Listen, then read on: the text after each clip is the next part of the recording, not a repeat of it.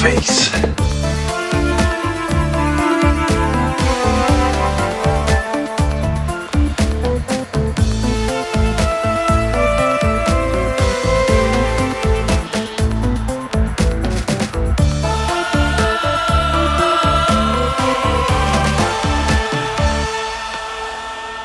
Välkommen till avsnitt 255 av skräckfilmspodcasten Vacancy med mig Erik Nyström. Och med mig, Magnus Johansson.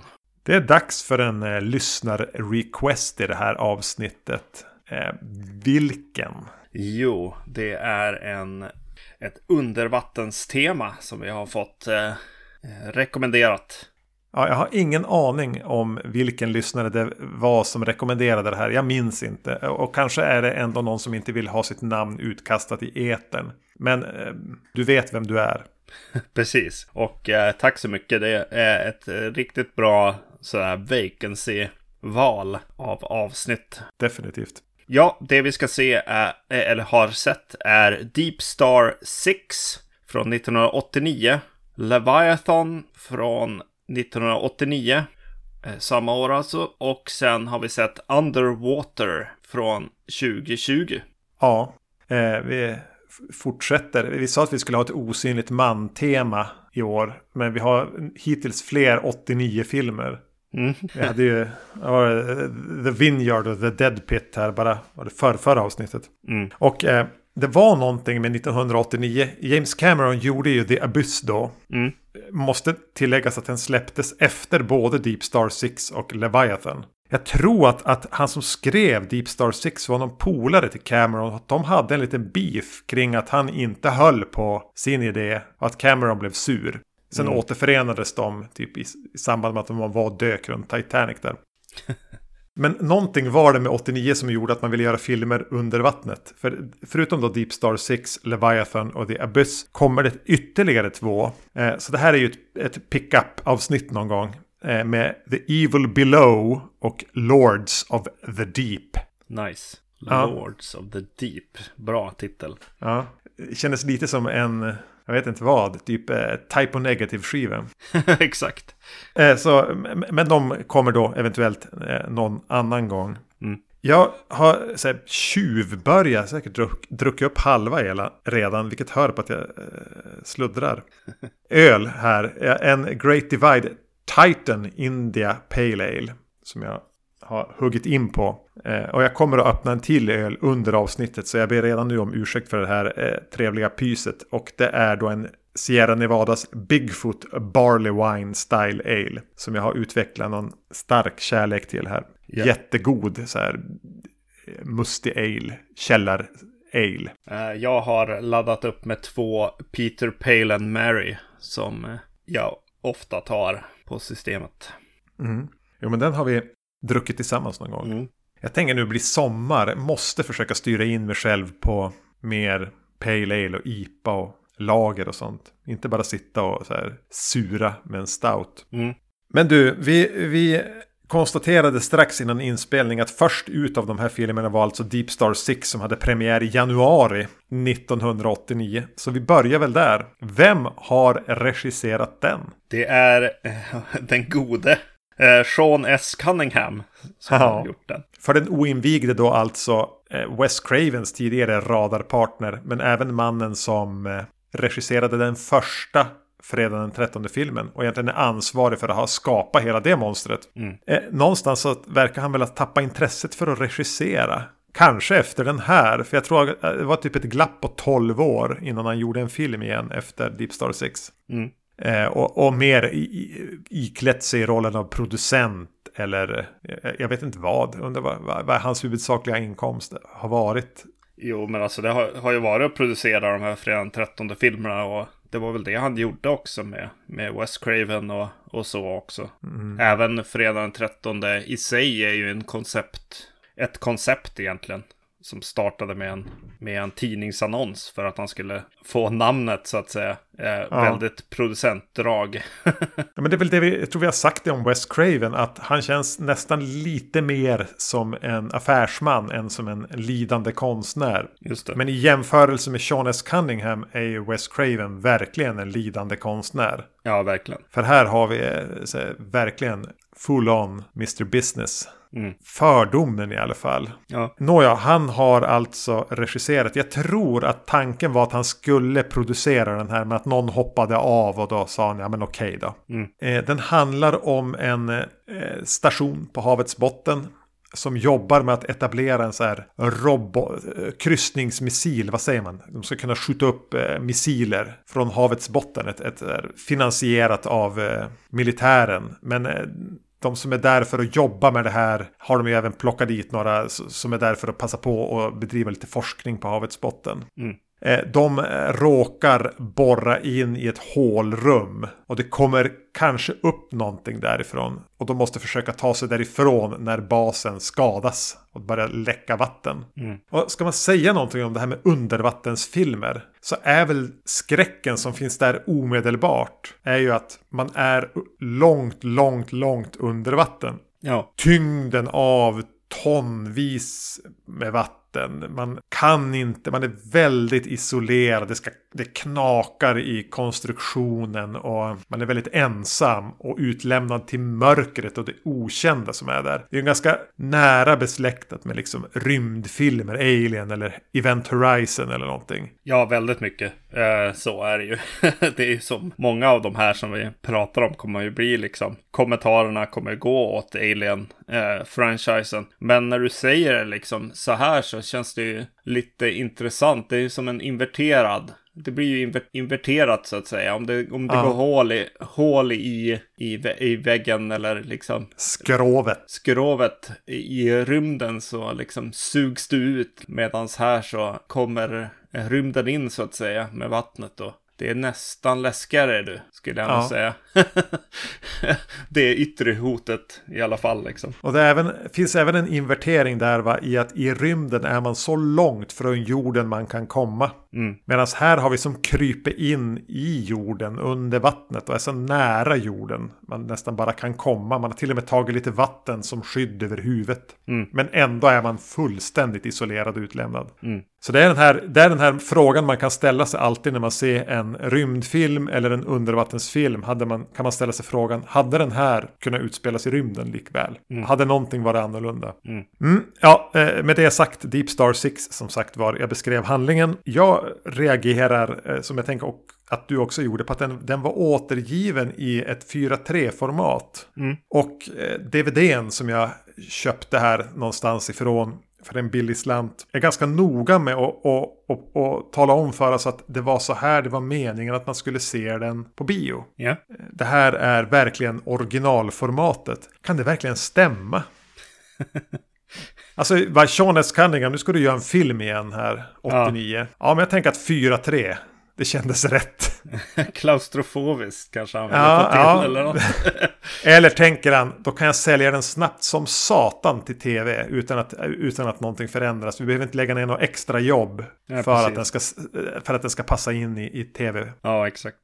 Ja. Men det gör att, att den känns lite som en tv-film. Ja, precis. Jo, men det gör den. Och, och det, det känns av på något sätt att det är budgetvariant eh, på det här temat. På Alien eh, och Jaws kanske. Alltså här, eh, Harry Manfredini är ju här och, och spelar gosig musik för oss. Med ja. lite så här stråkar och någon slags bubbliga klockor klockor eller syntar liksom. Eh, som får oss att tänka väldigt mycket på havet och vattnet. Eh, och därmed eh, resten av musiken i, i Jaws. Mm. Som inte är den här dum-dum.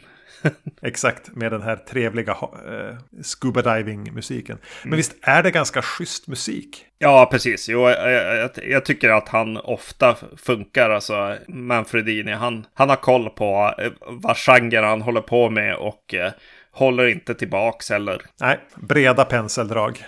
Men du sa det är låg budget och det är den ju inte så oblyg med. Nej. Att det här är, det här är ju inte The Abyss Nej, exakt. Eh, set, setdesignen är ju liksom sådär. Det är ju den här typen av alien-farkost liksom som de försöker få till. Men det, det är ganska mycket så här bara upplimmade eller uppsatta strålkastare och sånt som är, som är lite billigare. Sånt som de brukar ha när de filmar sina filmer på något sätt. Eh, känns det som allting. Och eh, som de bara har limmat ihop och satt upp. Eh, sen är ju The Crew rätt bra. Mm. Rätt skönt såhär 89 Crew. Fast ja, det är ju lite, lite tv känns det ju. Och jag har lite problem med ljudet också från dem. Eh, I dialogerna. Och det är många med dialekt och sådär också. Och jag, jag menar, det brukar inte vara ett problem. Så det är någonting mer än det tror jag. Att det är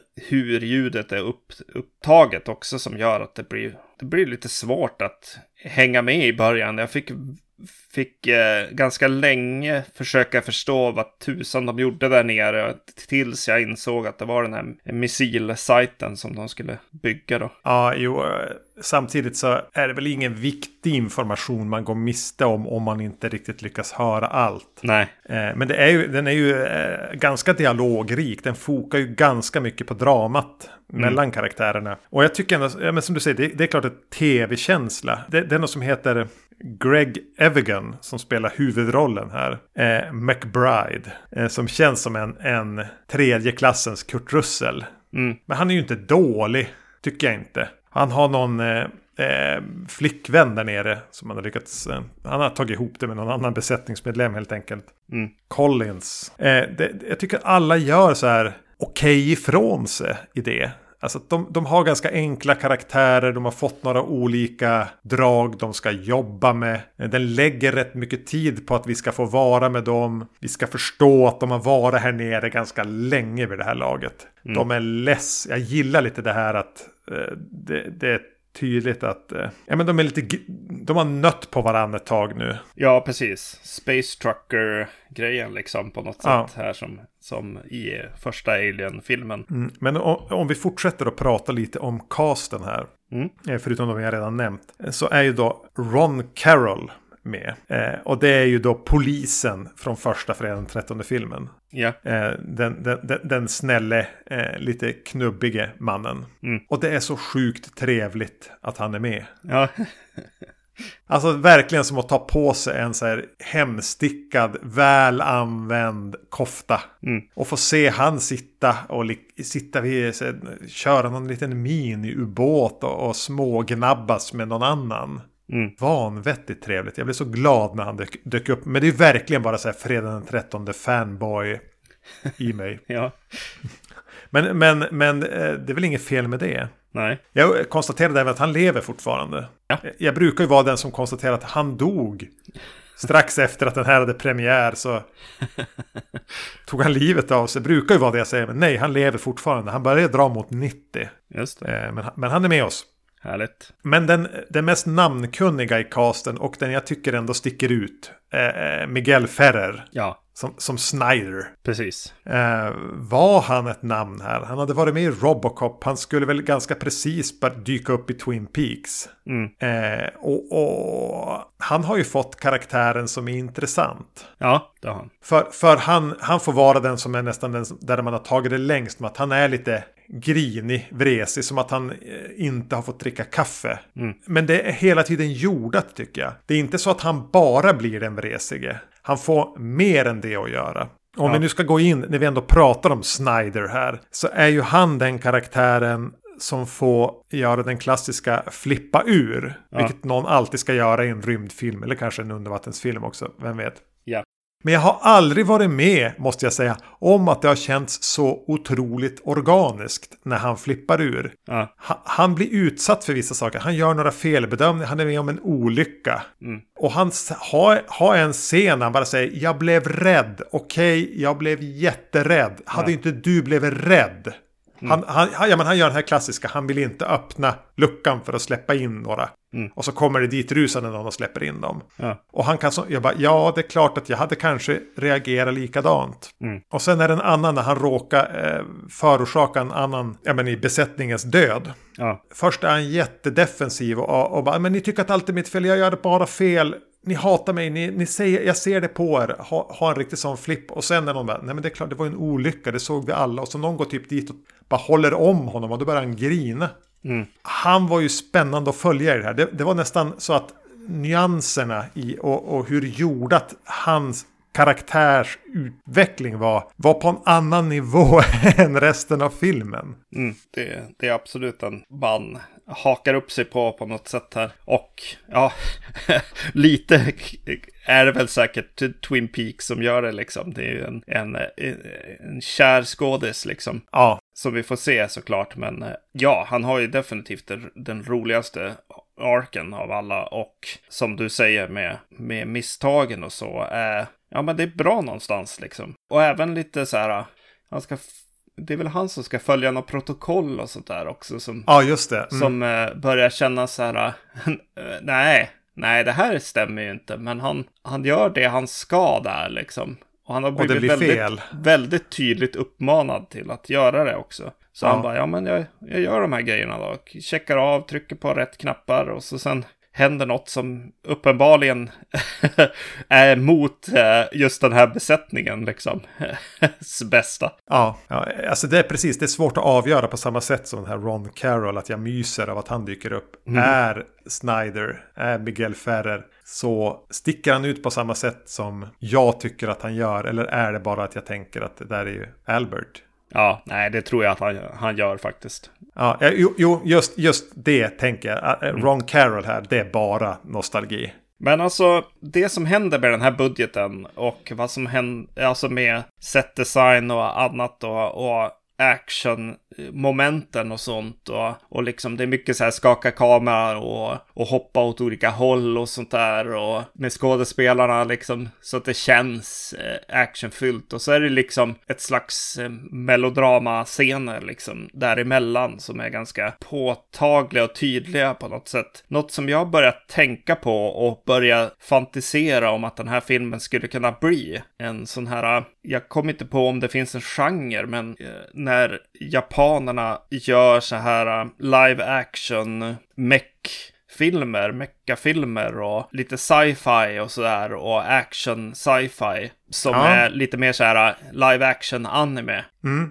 Om den här filmen bara hade släckt sina lampor lite grann liksom och varit, och varit mycket mer hög kontrast och lite svårt att se vad som händer och, och så. Om man skulle liksom klippa om den då och fokusera ännu mer på kameraskak och, och de här intensiva scenerna och kanske ta bort lite, lite av försnack och mellansnack och så, och så, så skulle man ha en ganska trevlig sån film som ju inte alltid är bra, men det är väldigt bra så här att hänga med kompisar, eh, kompisgänget och tjoa och simma lite åt, åt och med filmen. Och ja, jag, jag satt väldigt långa sek- sekvenser i den här och bara, nej, klipp bort det där, klipp bort det där. Och så just det här att, att släcka lampan eller dra, dra upp kontrasten skitmycket och så att vet du, det, det, det svarta i filmen blir bara helt svart på skärmen, svårt att se. Lite som hardware typ, looken. Ja, just det. Det får bara försvinna in i någon murr mycket. Ja, då tror jag att du har en film. Jag tror att de eh,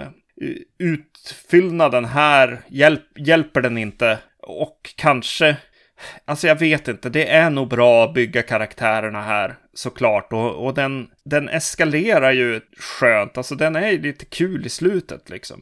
Ja, jag jag- tycker att, att, att, att arken den gör själva filmen är Mm. inte tokig. Det jag ska säga, ja men nu när du säger det, ja släck lampan för guds skull. Det är Mm. så väldigt detaljerat MacGyver-foto hela tiden. Mm. Eh, men det jag tyckte var ett problem, där, som du säger, det här skak, alltså Cunningham får ingen spänning i de intensiva scenerna. Nej. De blir ganska döda hela tiden. För det kommer ju mer och mer när det ska som vridas upp här mot, mot, eh, mot slutet. Så är det ju betydligt mer spänning i de dramatiska sekvenserna, dialogsekvenserna, än vad det är i när de står i vatten och undrar vad som håller på att hända eller försöker få upp en dörr eller någonting. Mm.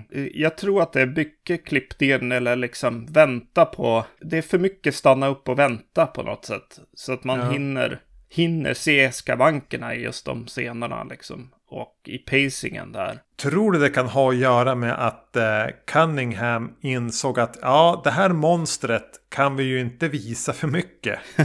Utan vi måste hålla det smakfullt i bakgrunden hela tiden. Vilket vi kan göra ett rätt bra jobb med. Mm. Han överanvänder ju verkligen inte monstret. Nej. Men eh, eh, då blir det ju så att han måste sätta fokus på annat. Mm. Vilket kanske är lite slöa vänta-scener. Eller eh, vä vä väl ljussatta stå och titta sig omkring i, i midjehögt vatten. Mm. Han fick inte riktigt ihop spänning och actionsekvenser tycker jag. Nej. Men jag kunde ändå gilla att den, den hade lite en, en så mekanik och fysik. Mm. Det kändes lite grann som att det här var dörrar som stängdes. Och det är när någonting händer, alltså om det blir någon skada så det börjar läcka in vatten, vilket gör i alla de här filmerna. Eh, att de bara rusar dit och sätter dit någon grej som är som en...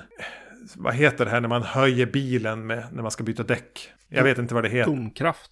Ja, det är som en lång stång som bara är en domkraft egentligen. Som de bara är snabbt där och använder och trycker ut skrovet med. Som kändes så här fysiskt och riktigt. Mm. Att, att de hade någon sånt där det faktiskt kändes som lite så här gammalt järn. Något som har stått i och är lite dammigt för att det aldrig används. Liten sån känsla tyckte jag ändå kunde ha. Att den var lite här och nu i det. Jo, precis. Båda de här från 89 har ju en ganska rejäl Cameron, liksom estetik med, med mycket mer så här titta på en traktor eller en grävsmaskin istället för, jag vet inte vad, eh, Star Trek eller Ja, något mer elegant. Även om båda de här kommer att börja i, i mer av en, av en alien, alltså Ridley Scott alien-värld på något sätt. Så den, den blandar ju där lite grann, båda, båda de här från 89. mm. Ja, det, det är ganska trevligt med den estetiken när det är under vatten just. För det behöver vara extra tjockt och knakigt. Das Båt. It. Ja, precis. Jo. Det är lättare att relatera till att vara under vatten än att vara ute i rymden. Mm. Så, så gör det lite knakigare då. Mm. Men som sagt, ja, det här är en B-film. Eh, den har sina poänger. Den har definitivt sina brister. Mm. Eh, men jag, jag hade inga problem med att ta mig igenom den. Ja. Nej. Det lät kanske som att du hade något större problem. Ja, jag hade då lite större problem än dig. Men jag blev ju väldigt, väldigt sugen på att gå in och ställa in kontrasterna. Och jag, jag, har nog aldrig varit så sugen på att gå in och, och dra in den i datorn och klippa bort en halvtimme någonstans. Och eh, ställa om eh, ljuset så att det blir så här riktigt risig VHS. Ja, den här ska man nog, skulle man nog ha hyrt när den kom och sett på VHS. Mm, Gärna att man var tvungen att vara där och skruva i så här tracking och sånt. just det. Ja. Ja, ska vi gå vidare till Leviathan? Mm, Och då har, jag. då har jag ibland när vi gör podd så eh, gör jag en drink till filmen. Och Ja. eh, den här gången har jag gjort en jävligt äcklig grej. en eh, Leviathan har jag gjort. Och eh, det är en shot med eh, vodka och eh, så pass lite Kalles kaviar att jag inte kommer märka det förrän jag har druckit den. Grattis! Skål! Skål! Mm. Inga kommentarer om den va? Nej, det var... Det var... Nej, jag fick nog inget Kalles kaviar. Jag kommer nog överleva det här. Det är ingen fara. Ja, jag har trevligare med min, med min eh, Bigfoot här. Yes. Eh, regi George P. Cosmatos. Yes. Rambo 2. Eller Cobra kanske. Ja. Den pratar vi om i avsnitt 80. Han är även pappa till Panos Cosmatos. Just Som det. har gjort eh, Beyond the Black Rainbow och Mandy som vi pratade om i avsnitt 189. Alltså vad heter han, eh, producenten till Alien-franchisen? Gud. Walter Hill. Walter Hill, ja, tänker jag lite på ibland. Jag tänkte på, på honom framförallt med tanke på att jag gick igenom han Cosmatos eh, filmer och så dök Tombstone upp. Och då, öpp- Jo, den, den sticker ut lite grann. eh, då, då öppnade jag och kollade igenom rolllistan där och bara oj, det här du. här var det män alltså. Shit. Jag, blev, jag blev lite sugen på att se om eh, Tombstone faktiskt. Ja, det var länge sedan. se, se hur de klarar sig. Powers Booth och ja, det, de dök upp där. De här uh, Walter Hill-gänget. Walter Hill-gänget fast också en, en lite senare liksom variant av dem med Val Kilmer och Kurt Russell och sådär. Ja. Ja, jag blev lite sugen faktiskt. Ja, ja. Ja, ja, vad handlar den här om då? Det här är... Vi är tillbaka i gruvindustrin. Där vi var i föregående avsnitt med Invisible Man. Den här utspelas i framtiden har jag förstått det som. Eh, där de har kommit på att man kan borra efter... Eh, är det silver? Silver och sånt har jag skrivit. Ja, ja, silver och sånt på havets botten. Ja. Eh, och återigen så är det ett gäng stationerade där för att borra efter det. De eh, snubblar över ett fartyg som är eh, gammalt ryskt fartyg som heter Leviathan. Mm. Som de går in i för att plundra, ska man väl ärligt säga. Och, och råka få med sig någonting därifrån. Mm. Frågan vi ska ta med oss in i Leviathan. Är den mer alien eller the thing? Exakt, just det, precis. För min första kommentar är Alien va? det förändras ju över filmens, eh, filmens gång, men det första jag skrev var det. Just det att de använder otroligt mycket estetik och saker som man ska tänka, tänka Alien helt enkelt. Det är de här ljusa miljöerna som vi börjar i, i skeppet, åker genom korridorerna. Små leksaker har de till och med, som i Alien, som står lite här och där på bord. Folk är ute och, och går och, och kaptenen följer dem på skärmar här i början. Så att man, man, man får en riktig Alien-vibb här tidigt. Av de här tre filmerna skulle jag säga att det här är den som i störst utsträckning lika väl hade kunnat utspela sig i rymden eh, som under vatten. Ja, verkligen. Jag glömde nästan bort mig. Ja, det är väldigt mycket så och även liksom, ja men det är ju så här äh, spökskeppet och så där och, och det brukar man ju göra i rymden också liksom. men här går de tillbaks ett varv Ja. till och, och kommer till det, eh, vilket är lite skönt. Jo, men jag tyckte just själva grundplotten där med att hitta ett fartyg på havets botten. Och de kollar ju upp det där också. Ja, men det här fartyget seglar ju runt i typ eh, Nordsjön eller vad de ser. Det här har ju inte alls sjunkit. Mm. Nej, jo, men det är ju ett sovjetiskt far fartyg. De skulle ju aldrig medge. Får man väl som dra slutsatsen själv. Eller vad har Sovjet hållit på med? Någonting är fel ja. Ja, eh, men, men bara kort grej. Det här är också låg budget måste vi ju säga. Eh, eh, vilket tycker blir tydligt i, i inledningen. Eh, under förtexterna så åker kameran neråt. Det är som att den, vi ska visa att vi, vi åker ner genom havet här. Man får som se någon slags Ja, vadå, en havsklippa som man, åker ner längs. Men det är ju så tydligt att kameran egentligen har åkt längs med någonting. Mm. Eh, och så har bara, eller de har lagt kameran på sniskan. Och låter den åka längs med någonting. Och så att det ska se ut som den åker neråt. Fiskarna till exempel som man ser. Simmar ju helt fel väg. så bara, ja men okej. Cosmatos, nu- du, du har också anpassat efter budget här. Mm. Du vet att du inte har råd att dyka ner lika djupt eh, med riktiga kameror som eh, Cameron gör. Nej, men samtidigt, alltså vi är ju en bump upp i, i budget, det, det måste vi ändå säga. Jerry Goldsmith dyker upp och gör musiken. Ja, Lite mer namnkundigt, kanske utanför kanske skräckgenren i alla fall. utanför dig och mig. Ja, ja precis. Eh, Stan Winston gör mycket eh, av specialeffekterna och eh, skådespelargänget här, eh, det här ensemblen, består ju av människa efter människa som man säger jaha, jaha. Jo, förtexterna är verkligen åhå, jaha. Ska, ska jag läsa några namn här? Peter Weller, Robocop. mellan Robocop och Robocop 2. Richard Crenna. Troutman från Rambo. Ja. Daniel Stern från Ensam Hemma. Yes. Ernie Hudson från Ghostbusters. Yes. Eh, Amanda Pace vet jag inte vad hon är med i. Nej. Men eh, Meg Foster från eh, They Live och eh, Twin Peaks The Return. Yes. Hon med ögonen. Hector Elizondo är väl kanske på något sätt den man eh, nästan känner igen mest. Men jag vet inte fan vad, jag, vad, vad han är med i. Just det. Ja, jag har inte skrivit upp vad han är med i, men... Nej, vänta, vi gör en sån här che- check bara. Eh, nu när jag ändå nämnde hans namn. Hector Elizondo är känd från Pretty Woman, Runaway Bride. Ja. Eh, ja, Ja, det, jag tror det är de eh, framför allt. jo, det är Pretty Woman som jag kommer ihåg honom från mest, tror jag. Nej, men det är jättekul att se dem och det är kul att se liksom folk i den här filmen och jag tycker de presenteras en efter en på ett ganska kul, kul sätt eh, här också. Att, eh, att ma- man får den känslan att nu går den här personen in i scenen och säger sin roliga sak liksom som kommer definiera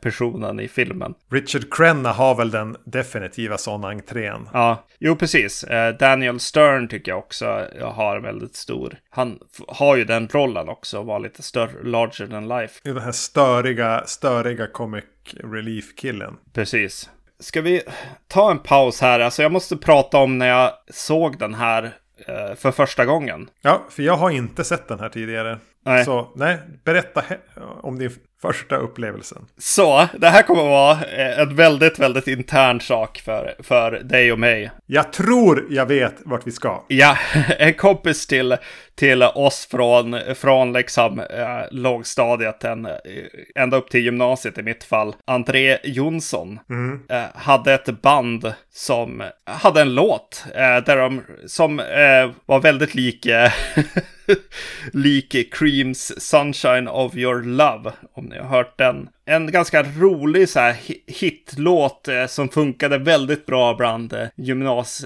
unga gymnasieelever. Ja, mycket tack vare att André var så jävla karismatisk på scen också. Ja, sjukt. Eh, Den, den, den stingen eller, eller eh, grejen med den var att han sjöng Come on baby, sit on my face. Låten hette Sit on my face. Ja, men den var, den var väldigt rolig och energigivande. Ja, Helt enkelt jo, jo. låt. Och eh, folk liksom bara väntade på att få höra den eh, när de spelade live. Men vilket band var det? Var det Soul Hudson? Ja, det var det nog. Ja. Det roliga med, med det var, var då att på, i gymnasiet någon gång så lånade jag lite film av honom. ja. Eh, och han, han hade pratat upp den här filmen ganska mycket. Att så här, den här ska du se Magnus. Alltså, den, är, den är fan, det är liksom Alien Rip-Off. Men ja, det finns något där. Ja, den ska du se. Så jag lånar den av han. Och så helt plötsligt så, när jag ser den så kommer det en scen liksom där Daniel Stern eh, går och eh, lägger sig i sängen. Han har en dejt med, en, med ett porrmagasin typ. Och även ovanför sängen så har han eh, tejpat upp en massa pin-up-bilder och så. Och så när han lägger sig ner så bara säger han Come on baby, sit on my face. och, jag, och jag bara, "Mm, jaha. Ja, jag tänk, ja, ja, nu så här, eh, när såg jag dem spela live senast för 25 år sedan kanske? Jag tänkte direkt, bara, jaha! ja, Väldigt internt men jätteroligt. ja. Jag tänker lite grann att André är underskattad för betydelsen för eh, egentligen ditt och mitt filmintresse. Jag brukar ofta säga att min stora syster borde få mer cred utifrån hur hon matade mig med Stephen King. Eller att jag tog böcker hemma hos henne. På samma sätt så var det typ André som skakade fram första gången vi såg Elm Street filmerna första gången vi såg eh, Fredag den 13 så var det ju han som hade typ norpat något band som hans storebror hade kopierat eller spelat av från Filmnet eller någonting. ja. Unsung Heroes i Vacancy Podcast-universumet är ju min stora syster och André Jonsson. Ja, precis. Jag, jag eh, gick ju direkt tillbaks med, jag tror att det var en videokassett. Och tryckte upp den i ansiktet på honom och sa hej, hej, du har ju, sn- du har ju snott låten från, från den här filmen. Och eh, han påstod hela tiden att va? Vad har jag? Så att eh, någonting undermedvetet hade förmodligen hänt där. Eller så ljög han. Jag har en film hem. Någonstans tror jag den är kvar i en låda för att jag naivt tänkte att jag ska lämna tillbaka den så här 20 plus år senare. Som jag också har lånat av han. Och den heter The Golden Gate Murders. Just det. Mm. På VHS. Eh, vi, vi, vi, bjuder in André att gästa oss och prata om The Golden Gate Murders någon gång. Yes. eh, vad pratade vi om? Eh, Leviathan och början på den och eh, ja. introduktionen av karaktärerna. Och det är väl Daniel Sterns intro introduktion i just den här lite jobbiga comic reliefen. Han får ju vara var den här Dude Bro-snubben. Ja, han är fan ganska motbjudande. Mm. Och det är liksom, det, det är ju något snäpp upp i skådisar hela vägen här jämfört med Deep Star 6. Mm. Men det är någonting i regin av dem som jag hela tiden tycker känns platt. Alltså att Cosmatos har inte varit så intresserad kanske. Han har inte varit där. Mm. Förutsättningarna är bättre här. Men jag vet inte om jag hade roligare med det här gänget än med det i Deep Star 6. Trots att det borde ha haft det. Alltså de har satt någon slags fokus på, på den här kaptenen som inte riktigt eh, känner att han har alla så här ledarskapschops eh, där. Utan han är ju mer, mer så här, åh ja, han kan silver typ. Ja. Och har satts i en roll av kapten. Och hans liksom, att han behöver kämpa med att faktiskt kunna leda det här teamet liksom. Och eh, få, få dem att överleva på något sätt. Ja, jag känner nog att Peter Weller är det största problemet i det. Alltså han är ju, han är ju snygg. Men han är tunn. Ja. eh, och eh, jag menar, hade du haft kaptenen i Alien, till exempel, eh, vad han nu heter, skådisen, som hade gjort den rollen liksom, då hade du ju sett och följt med i alla de här känslorna som, ja men hur han kommer dit liksom. Ja, vad fan, det, det görs ju till och med bättre i, vad heter han? Alien Covenant. han som måste ta den rollen liksom. Ja. Men Peter Weller kan inte riktigt sälja den för mig. Han är inte en person som jag vill följa på den resan, tror jag. Nej, och kan någon liksom säga någonting om Peter Weller annat än Robocop? Att han var ju så bra i... Punkt, punkt, punkt. Vad skulle det vara? Ja, precis. Ja, det enda jag kommer ihåg att han är med i är den här Screamers, eller vad den hette. Men jag kan ju inte ja, säga att han var bra i den, det vet jag ju inte ens. för ja. det minns jag inte. För det jag tänkte mest var att, att jag har aldrig tänkt på hur snygg han är. Det var det jag satt och tänkte när jag såg här. Mm. Att, att han har ju verkligen ett, ett, ett, ett eh, distinkt, väldigt vackert utseende. Ja. Men eh, nej, han blir otroligt trist. Nästan alla scener han är med i, klockan stannar ju. Mm. Vilket jag tror alltså smittar som av sig på att det finns ingen inre driv i, i, i karaktär, alltså i dramat mellan karaktärerna här. Ehm, och då faller liksom humorn och den energin lite platt med det här med att de trodde sig ha hittat en massa gammal vodka de skulle kunna festa på. Och Yadidi yadida. Mm. Jag tycker inte att det blir speciellt skojigt. Nej. Men sen släpps ju liksom det här monstret, det här, den här effektsaken lös där inne.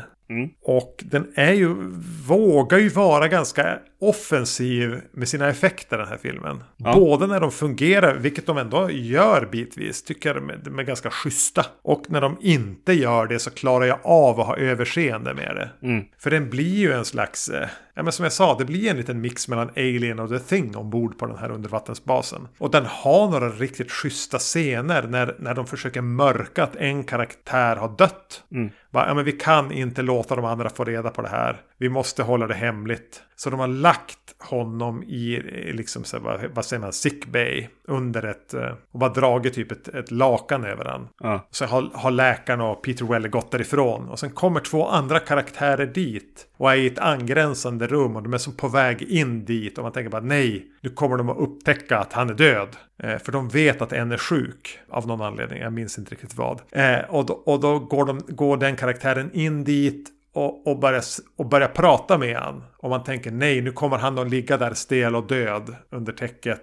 Och de kommer att dra av täcket, upptäcka att han är död och så blir bla bla bla. Intriger utifrån det. Mm. Och sen säger han någonting och säger någonting. Och man väntar bara på det här att, eh, han ska gå dit. Men det som händer då är att den här döda karaktären vi vet är död vänder sig under täcket liksom bort från honom. Ja. Det var nice. Ja, ja absolut.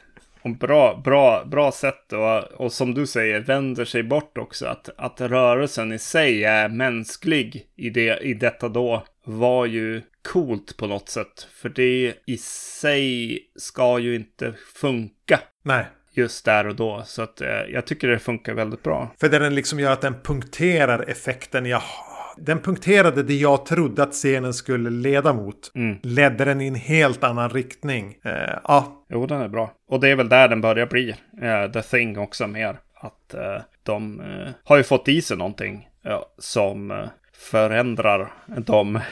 Och det blir ju ja. väldigt mycket body horror och folk som smälter ihop och, och sådana grejer. Så att eh, det, det, känns som, hur ska, vi, hur ska vi inte bara bli en alien-film? Ja, men vi tar in The Thing också. De två man väljer mellan, vilka man ska göra eh, pastisch på. på något sätt. Ja, men det blir ju lite kul romp, alltså, där, kan jag tycka. Men vad, du, eh, vad tyckte du om scenerier och känslan av eh, de här skeppen vi är inne i här? Eller skepp, undervattensbasen vi är inne i här? Ja, här känns det ännu mer Cameron. De har någon hiss där de hissar ner folk i, i sina vattenrymddräkter, höll jag på att säga, dykardräkter. Den hissen är ju väldigt, väldigt eh, vad jag ser som Cameron-esk i det att den är bara eh, gjord av, ja men delar som skulle finnas på en lastbil.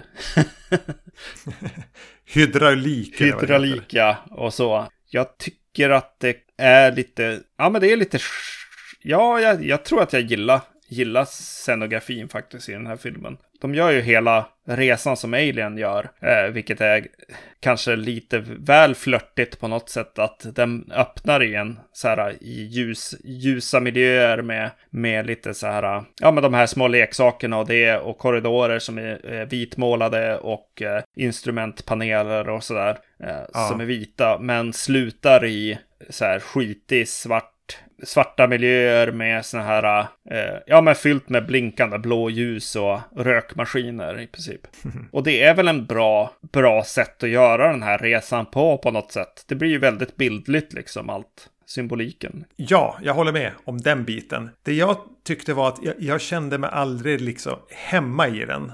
Alltså det kändes aldrig jordat här och det tror jag är att den utspelar sig i någon slags framtid 2027 eller vad det är. Mm. Och att det är lite för futuristiskt. Mm. I uh, Deep Star 6 kändes det lite grann som en arbetsplats jag på något sätt kunde relatera till. Något av de här sågverken vi hade varit och städa eller någonting. Ja. Uh, men, men här blev det lite för mycket så blinkande skärmar och, um, och framtid. Vilket gjorde att jag, jag tappade lite kontakten med den. Mm. Uh, men det är ju förmodligen syftet i och med att de har lagt den i framtiden av någon anledning. Ja.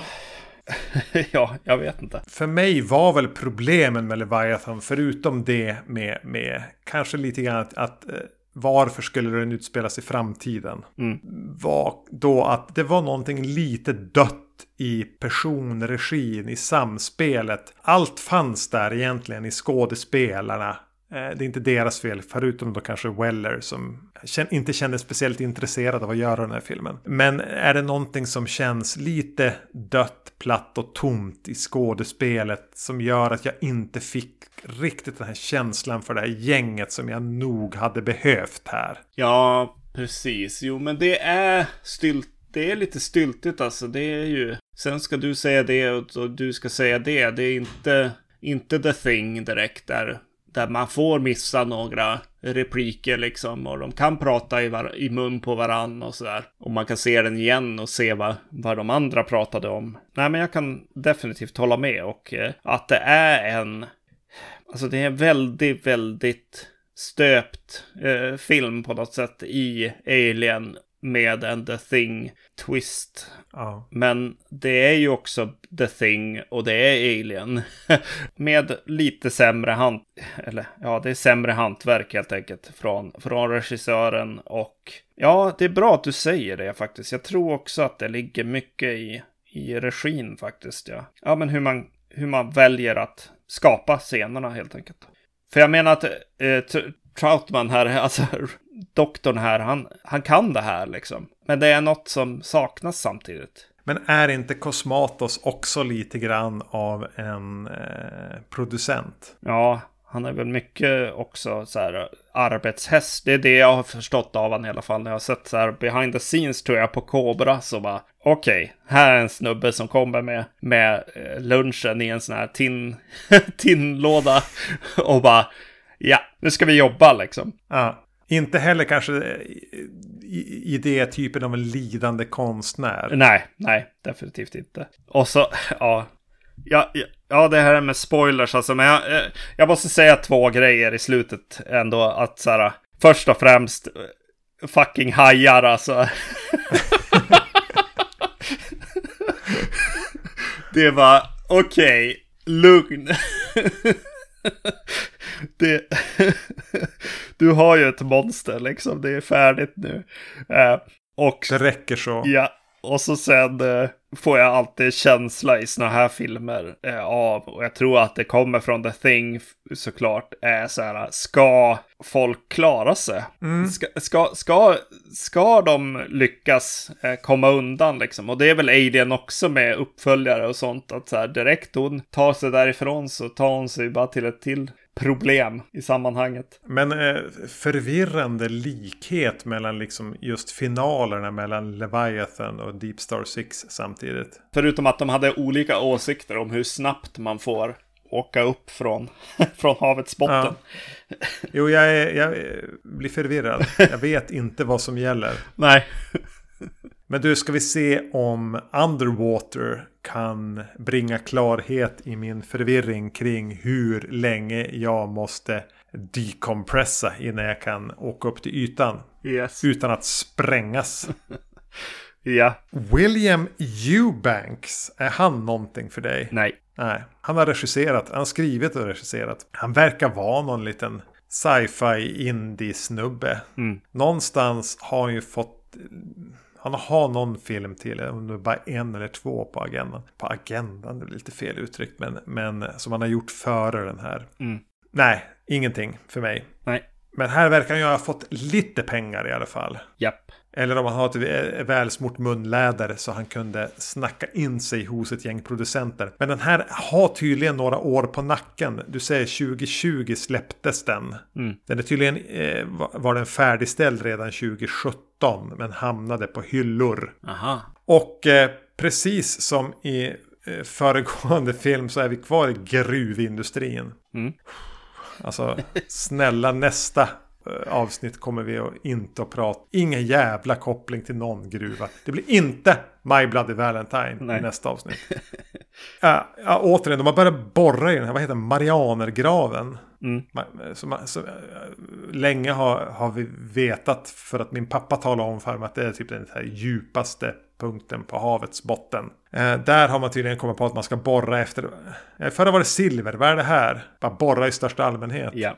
Ja, Någonting eh, bara man efter. Och de har en, en, station och de har lite eh, satellitstationer där nere. Och den börjar ju egentligen med att allting går åt helvete direkt. Och ett, en handfull karaktärer måste försöka ta sig via några av de här små eh, stationerna på botten av den här djuphavssänkan. Och eh, ta sig upp till ytan.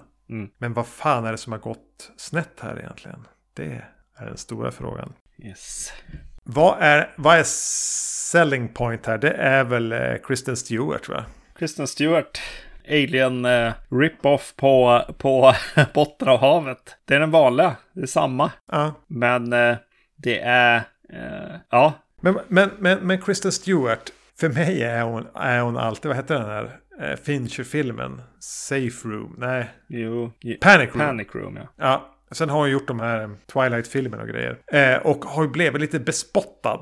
Eh, eftersom man, eh, hon var med i dem så har hon blivit något man ska hata. Och, och li, lite grann bland snubbar tror jag. Ja. Men hon är ju inte helt tokig som skådis egentligen. Och jag har inom relativt kort tid sett att hon är med i två så här, Olivier Assayas filmer. Som en heter Clouds of Silmaria och en heter Personal Shopper. Mm. Hon är med i båda dem och där, där är hon bra. Eh, Det är ju två filmer man borde se.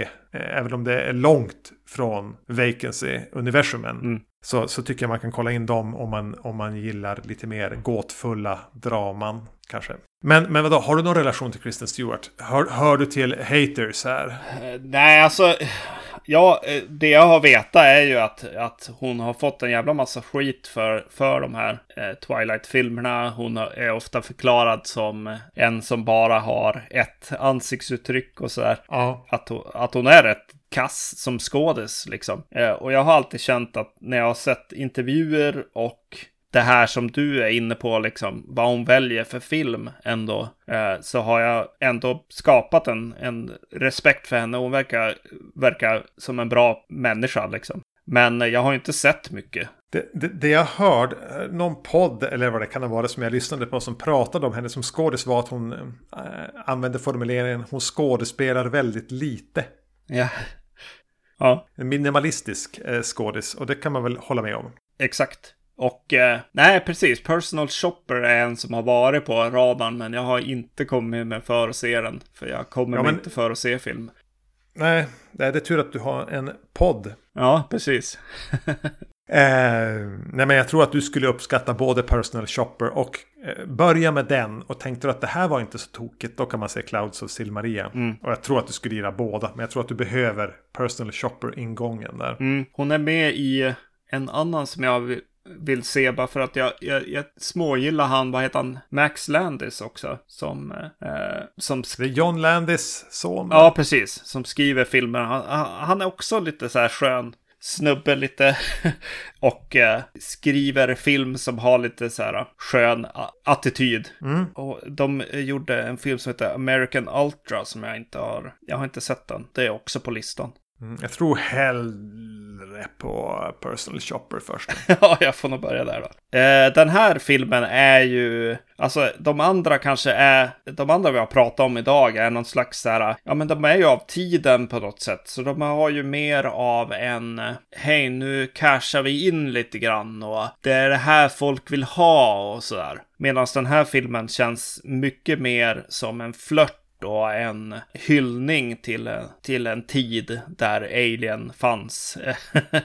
och The Thing fanns liksom. Mm. Känner ju jag. Det, det, och eh, det, finns, det finns ett visst filter då av tv-spel eh, som kommer in här också. Det finns definitivt bara rena inslag av Gears of War till exempel. Rustningarna som jag kallar dem. Det är ju dykardräkter men de är ju designade som uniformerna i Gears of War till exempel. Så att, och det hotet som finns där ute är också väldigt så här t- tv-spel-nördigt. Coolt, Mm. tufft eh, på ett tv-spelssätt. Kanske inte nördigt, kanske till och med lite mer så här bro-shooters brukar man kalla en del eh, spel. Är det Halo tänker jag då? Ja, men Halo, Gears of War är väl eh, det. Eh, Call of Duty är ju väldigt mycket det också. Men det är ju bara militär shooter i och för sig. Men N- när jag sa Halo nu, är det då en franchise som är död sedan 15 år? eh, nej, de försöker fortfarande. Ja, ja men det är som jag då. Yes.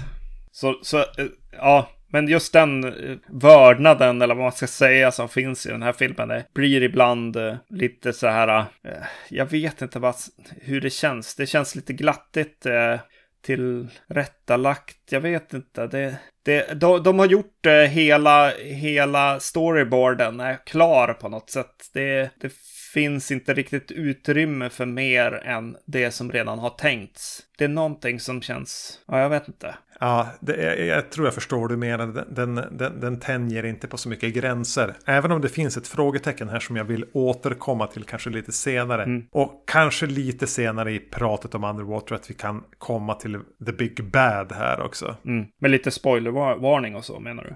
Jo, precis. Har ni inte sett Underwater och ni inte vill veta vad som händer eh, mot slutet av filmen så kan ni väl sluta lyssna redan nu då. Ja. Eh, Jag har inte tänkt säga vad jag tycker om den förrän ni har sett den.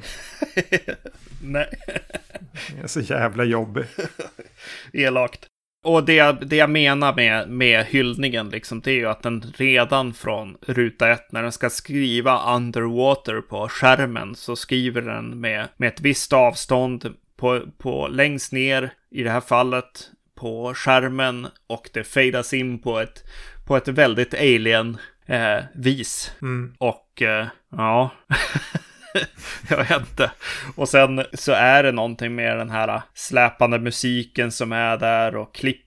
Eh, det är nyhetsklipp som man får se i förtexterna här också. Exakt. Det jag tänker att man säkert kan hämta om man så här, pausar eh, ännu mer information. Mm. För visst finns det någonting lite dolt här om att, ja men vad borrar de efter egentligen? Ja, Är det så att de letar efter någon, det är inte en mineral de letar efter, utan är det kanske någonting utom denna värld? Mm. Kanske finns det fler ledtrådar till det om man pausar och zoomar in och läser de här jävla artiklarna. Mm. Nej, det är inte smart filmskapande att lägga det i typ suddiga bilder, information. ja. Men de och, och den här musiken och så, det, det, ja nu blir det skräck. Ska ni veta. Jag trodde, för vi, efter dem så hamnade vi direkt med eh, Kristen Stewart som är typ att borsta tänderna. Eh, jobbar som här, datatekniker på, på en eh, gruvstation här. Det är flera hundra i personalen. Och innan, innan vi får se henne eh, så, så gör de några snabba, långsamma åkningar i tomma korridorer i den här äh, platsen. Den börjar precis som Alien. Ja, just det. Och den snurrar lite runt sin egen axel också ett tag. Kameran. Ja, och sen landar på Kristen Stewart här. Eh, som står och borstar tänderna och räddar en spindel från att bli nedspolad i avloppet och sånt där. Och sen går hon som ut och så skakar någonting. Hon upplever att hon får en vattendroppe i huvudet eller vad det är. Och så skakar det till och så bara briserar någonting och det börjar komma in vatten. Jag tänker, ah, okej, den börjar med en mardröm. Ja, Nej, utan den börjar med att hon springer i panik in längs en korridor jagad av vatten. Ehm, hon träffar på någon annan kille och de tvingas liksom trycka på så här nödstänga dörren för att stänga ute några som förmodligen inte hade hunnit fram dit ändå. Eh, och, och någonting har hänt och de måste dela av basen och allting går åt helvete. Och det är det här ganska länge. De kryper i trånga utrymmen, träffar på en till karaktär. Vad har hänt? Jag vet inte, men det har rasat här. Vi måste ta oss dit. Vem är vem? Vem är någon? Jag har svårt för den typen av intron på filmer som ska börja i kaos. Och sen ska det som under tiden plana ut i Mm. att vi får lära känna karaktärerna när de redan är en bit på resan. För mig ställer det mycket högre krav på berättande och både i manusform och i regi Mm. än om man gör som de två tidigare här att man etablerar. Om man låter dem så här kivas runt frukost eller åka på ett light-uppdrag där vi får lära känna dem eller och få lite mer information om alla risker som finns. Här får vi liksom veta att de är på botten av Marianergraven i eh, förtexterna i textform. Mm. Sen så får Kristen Stewart stå och typ eh, emo monologa framför en spegel och rädda en spindel. Och sen blir det taka, taka, taka, taka, taka, taka, kaos. Mm. Det passar inte mig, kände jag när jag såg den här. Ja, det ställer väldigt höga krav ja, på att det ska funka på något sätt. Och det är ju...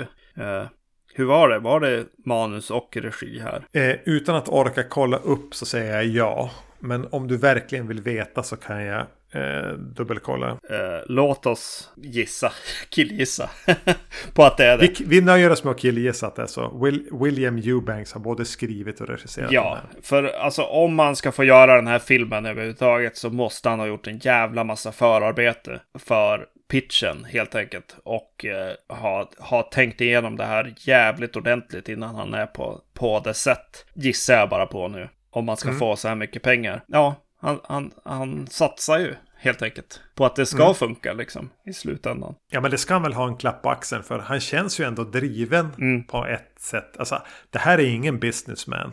Nej, Det här är inte, det här är inte Cunningham som har gjort den här filmen. Utan det här är en som ser sin chans här. är en rätt nördig liksom filmskapare här. Det här är en som har så här keps och uppknäppt skjorta och en eh, Simpsons t-shirt. jag Kanske inte Simpsons men ja. tycker det är roligt med, med att Kraftwerk t-shirt har han. Mm. Ja, jag gissar att han, han har ju såklart redan sått det fröet. Jag tror att det är i hennes liksom, monolog där med. För jag, jag skrev också så här bara, ja men okej då, så drömmer hon nu eller är hon vaken? Och vattenläckan känns ju jättemycket som en dröm. Mm. Som någonting som skulle hända i en dröm jag tänkte att jag skulle minnas det här och tänka på att, att någonting i filmen kommer kanske få mig att tänka att det är något hon ska, hon ska gå igenom och tänka på liksom eh, i, i sin, om sig själv via den här drömmen som är filmen på något sätt. Men jag vet inte. Jag tror att de, de hon faktiskt är, är vaken och allt det här händer. Men det där är... Ska jag ta det nu? Jag tar det nu. Mm. Så småningom dyker ju Vincent Cassell upp som någon slags kapten här. Ja. Och han och hon verkar ju ha någon form av närmare relation. Mm. Inte för att det blir speciellt viktigt, men han pratar om sin dotter. Mm. Och han säger först, eh, jo min dotter hon är 14. Eller jag menar hon var 14. Mm. Han var vadå? Okej, okay, vi väntar. Vi kommer få en payoff på det här. Mm. Kommer inte, kommer inte. Sen hamnar Kristen Stewart på en, en av de här satellitbaserna, små som jag pratade om. Och är och rotar runt i, han, i, i något skåp. Hon är där och tankar syre typ. Eh, och hittar hans, en overall som tillhör Vincent Cassells karaktär och, och, hans personliga tillhörigheter. Och där finns det något foto på han och någon dotter. Ja. Som ju var ganska, en, en ung dotter. Ja. Och, och för, förklara nu. Ja, alltså jag tror att hon, alltså jag tror att det var ännu mer tydligt än så. Jag tror att hon hittade hennes dödsruna eller vad det heter. Ja. Eh, utklippt från någon, någon eh, tidning. Så att eh, hon får ju reda på mer om, om kaptenen där kanske. Och att, eh, ja, det är, inte, det är inte lätt att vara ledare. kanske. Ja. Men äh, hans dotter är död. Ja. Och han säger ju det, men säger det han rättar sig och säger det. Det är liksom så bara, men är det någonting med tiden här? Alltså jag tänkte bara, ska vi börja fundera kring tid? Ja, precis. Jo, för att du hörde det som att han rättade sig och sa hon är död. Men han mm. gör inte det där. Han gör inte det. Utan, utan han eh, rättar sig och pratar om så här, ja men just det, när, när det här hände så var hon det, typ, eller vad det nu var. Något sånt liksom. Okej. Okay. Ja. Så, så, det var en liten så här menat som en upp, uppenbarelse liksom där. Eh, att hon förstod att nej men hon har ju varit död hela den här tiden liksom. Men eh, ja, du, du tog Så. väl för tidigt där. Ja. men, det var en, eh, en, en gåtfullhet som bara råkade uppstå. Ja, men det är ju så. Alltså när det blir genomtänkt och genomarbetat. Jag tror att det är det som jag menar lite grann också, att då blir det lite förutsägbart ju. Eh, och då vet man kanske svaren alltid eh, ändå, liksom där inne. Så det kan inte komma någon, någon sån som är genuin liksom. Nej, Nej. det är sant. Visst är den här lite klumpig med sin exposition också? Visst hamnar de i många scener när de förklarar vad de gör eller vad de måste göra? Vi måste gå igenom det här, ja. Ja, precis. Ja. In här. Ska vi in där? Ja, vi ska in här. Varför då? Jo, det ska jag tala om för det. För att, eh, och det tror jag är lite är någonting de dras med för Eh, just eftersom det blir den här väljer att lägga hela första 20 minuterna på kaos mm. istället för att, för att förklara spelregler. Mm. Så får karaktärerna skrika fram det eh, när de är i stressade situationer. Mm. Och det är så stiltigt och det är så jobbigt. Ja. Uh. det är därför jag inte skriver manus. För jag skulle typ eh, börja mina filmer med att en karaktär sätter sig ner och förklarar allting. Titta in i kameran. Yeah. Det här är spelreglerna. Det här är vad den karaktären vill. Och det här är förutsättningarna för det. Och nu kör vi. ja. Det är så jobbigt att skriva film. Yeah. Men du, du, det är få karaktärer i den här. De presenterar det som att de är över 300 på den här basen. Men jag antar att vi ska äh, bara liksom förlika oss med att majoriteten bara dör. Yeah. Hur många är det vi får följa?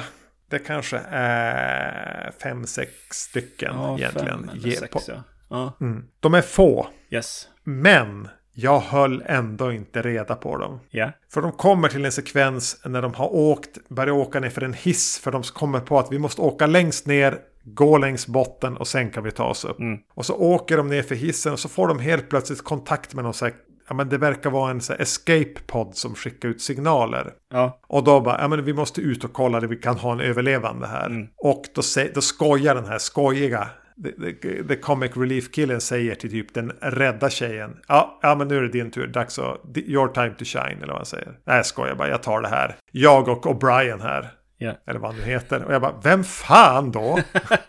Ja. Jag hade helt missat, och det här är vi ändå halvvägs in i filmen. Ja. Och jag hade helt missat en karaktär. Jo. Eh, och när jag tänkt, tänkte till, jo men just det ja, han var väl med i ett kontrollrum där, ja med henne. Men ändå, det är någonting, alltså ja, jag var ju, så mycket hade jag inte druckit när jag såg den. Nej. Att jag helt bara hade tappat bort en karaktär som jag var, vart, vart kom du ifrån? Har du varit med i den här filmen? Och återigen tänker jag att det här är ett bekymmer som uppstår för att man väljer den här rappa kaosintrot. Ja. Då ställer det höga krav på att snabbt kunna etablera karaktärer som förs in i handlingen. Så att inte Erik ska sitta där och för, inte förstå vem någon som ska med ut på ett uppdrag är nu. Vart kom du ifrån? Ja. En del, en del får ju också bli, bli bara en, en symbol eller någon att dras med liksom. Eh, Bokstavligen i, i vissa fall. Och eh, som, som är liksom en karaktärs motivation snarare än en karaktär själv. Det är en, en man där som är en kvinna, kvinnas eh, eh, kärleksintresse helt enkelt. Ha- Han får inte mycket, mycket till karaktär. Det var ju han jag hade tappat bort också. Han är väl mer en symbol kanske då för hennes. Någon motivation på något sätt. Ja, spoiler spoiler så överlever ju han hela jävla helvetet också. ja, Det här det är liksom som om liftaren i, i, i fredagen den 13 och som eh, bli- blir mördad där när hon räcker finger. ja, Det är någon av uppföljarna. Det är som om hon skulle vinna på slutet. mm, Nej, för hon har mycket mer karaktär än den här. O'Brien eller Smith kanske han hette. Smith var det nog. Men det är ju, ja, ja precis. Jo. Ja, det är inte en historia om vem som ska överleva på något sätt ändå, utan det är ju en historia om att bli, bli kapten där i slutändan liksom. Ja, att ta ansvar. En, ta ansvar och ha, ja men det blir ju en ren ref, reflektion liksom. Det är ju en spegelbild liksom i slutändan. Men vad, vad tycker du då om Kristen Stewart som, som Ripley här? Jag, jag gillar farten. det är något fartfyllt i, i, i vad hon utsätts för. Ja, Eh, Istället för något jävla anamma eller på, på ett sätt. Ja, hon får något lite unikt där. sin Marie Fredriksson-frisyr. Ja, precis. Och ha Ripley-trosorna typ. Ja. Det är, ja jag vet inte. Nej men jag tycker att hon fungerar. Ja. Jag, jag var lite beredd på att se en så här, ja men verkligen money grab. Men jag kan inte se annat än att hon har någonstans ändå gått in för det här på samma sätt som annat. Även om det är lite svårt att avgöra eftersom hon har lite den här utcheckade auran. Mm. Som är hennes signum. Ja, och eh, hon börjar ju där liksom. Så att det är väl, ja, att hitta någon slags, det är okej också. Man kan vara hjälte ändå liksom. Mm. Fast att man har problem och tyngd och, och så. Och det är inte alla som har, alltså även de som verkar ha pondus liksom, har ju problem som kaptenen liksom. Saker att bär på. Även om han ska vara någon super, supermänniska så är han ju inte det. Vincent Cassell är väl ganska rätt castad också i den rollen. Alltså George Clooney i Gravity-rollen. Eh, det känns... Eh, han känns rätt där. Han har ju rätt tuffhetsnivå i det här äh, nördtuffheten också liksom. Lance Henriksen eller vad tusan man vill titta på liksom. eh, Men du, Mm. nu måste vi prata om The Big Bad. Mm. För det vi introducerat för tidigt är ju någon slags här fiskliknande eh, spermie, eh, facehugger liknande saker. de är rätt bra ett tag alltså, tycker jag. När de är intro- som man, de ser nästan ut som alger eller bara något så här som fladdrar i, i, i eh, Ja, och när de ska in i en av vattnet. baserna eh, och går där på botten och ska, ska fram till någonting så som åker kameran lite i en wide shot liksom och tittar upp lite grann och så står det någonting ovanför Ja. dem. Jag tyckte det var Det är ballt, snyggt. Alltså. Ja, Den hade lite så här The, eh, the Descent-vibbar Ja. i, i vissa kring hur den hanterar de här skurkarna. Skurkarna. ja. Monstren. Eh, jo, eh, definitivt. Men eh, i den stora finalen. Mm. Nu vet inte jag om, om du inte alls såg det här som jag gjorde det. ja. Så reser sig ju Cthulhu upp. ja. Ja, Det är inte bara jag som har blivit galen. Nej, nej, nej. Nej, Absolut. Det är Cthulhu som är skurken här. Japp. Och att alla de här små varelserna de har stött på tidigare mellan, så här, mellan någon slags humanoider och någon slags, eh, vadå, ekorrar. Är bara något, hans typ Kvalster. loppor. Ja. Ja, kvalster. Låt, ja, ja. Ja, ja, visste du det? Visste du att vi skulle träffa Cthulhu här? Visste du att det här var en Lovecraft-grej? Nej, det visste jag inte. Och, och jag tror jag har sagt det tidigare här på podden. eh, Men det är värt att säga igen. Ja. Det här jag blir en fundamental eh, islamist. Ja. Man ska inte avbilda Cthulhu. Exakt. det blir så tramsigt med typ en, en, en vattenjätte med tentakelskägg och eh, monsterkvalster. Mm. Som bara sitter och är sur på botten av Marianergraven. Yes. Han blir så liten då. Ja. Ja men, ja, men Nukan då så var, vi över, var det över. Alltså, Jo, exakt. Jag tror att det är det som jag har skrivit här. Jag har skrivit dataspelscoolt, inte actually coolt. Nej. nej men det här blir, ja, mm, Och jag, bra. jag tror att det är det som, som eh, händer här på något sätt med den här eh, Cthulhu med det här gammaldags ljussättningen med bakljus och så här. Och det är, ja, ja, ja, det är ju som coolt på sitt sätt, men det är ju inte, det är inte, alltså bra. inte bra. Det blir inte coolt liksom. Man blir inte känslomässigt påverkad av vad som händer, utan mer bells and whistles påverkad. Oj, vad stort. Han måste ju vara jättestor. Ja. Men ändå inte så farlig ändå. Mm. Eftersom han sitter ju som är där på botten och, och bara slår, hamrar på en undervattensbas. Ja. Ha, har inte han viktigare saker för sig? Ja, precis. Han är ju trots allt äldre än Gud. Ja, Ja, det blir någonting när man ska försöka realisera någonting som bygger så mycket på uh, Lovecrafts grej att man inte kan greppa hur fasansfullt något är. Att när man gör det till en, en, en jätte, alltså, Creature from the Black Lagoon upphöjt i, i vadå, 100. Mm. Så blir det inte jätteläskigt. Då var det läskigare när det var de här, eh, ja men precis som du beskrev. Nästan standout-scenen i den här är ju den här glimten man får se av något som bara står där. Mm. Man kan nästan missa det. och som om det inte vore under vatten på något sätt. Det är något, ja, det är något. Det är någonting med just det, men i övrigt så tyckte jag att, att de här huma, humanoida eh, undervattensmonstren var rätt trista. Ja. Men, men just den, den, den förlåter dem nästan, den lilla glimten. Det låter lite grann som att jag, var så här, att jag verkligen bara vill pissa på Underwater och det stämmer inte riktigt. Jag är hyfsat involverad i det här lite klaustrofobiska jakten mot att bara ta sig neråt för att komma uppåt. Mm. Det är inte så dåligt som det kanske har låtit när ni pratar om den. Eller? Nej, nej, alltså jag, jag, jag, jag såg den här först av, av avsnittets filmer och blev rätt taggad alltså. Ja. av, att, att, av det här avsnittet. eh, Och eh, jag tyckte att Underwater var, var ju någonting som så här. Ja, jag hade ju inte velat missa det heller. Nej, verkligen inte. När jag kikade på IMDB så ligger alla de här tre filmerna så här mellan 5 och 6 i betyg. Så här 5,4, 5,5, 5,8 någonting. Mm. Och det är väl hyfsat rimligt. Men om du nu bara så här snabbt skulle rangordna dem. 1, 2, 3. Ja, Alien, The Thing. Nej, nej. Debis. Debis, nej. Oj, ska jag göra det snabbt alltså? Jag kan göra det först. Jag gör det.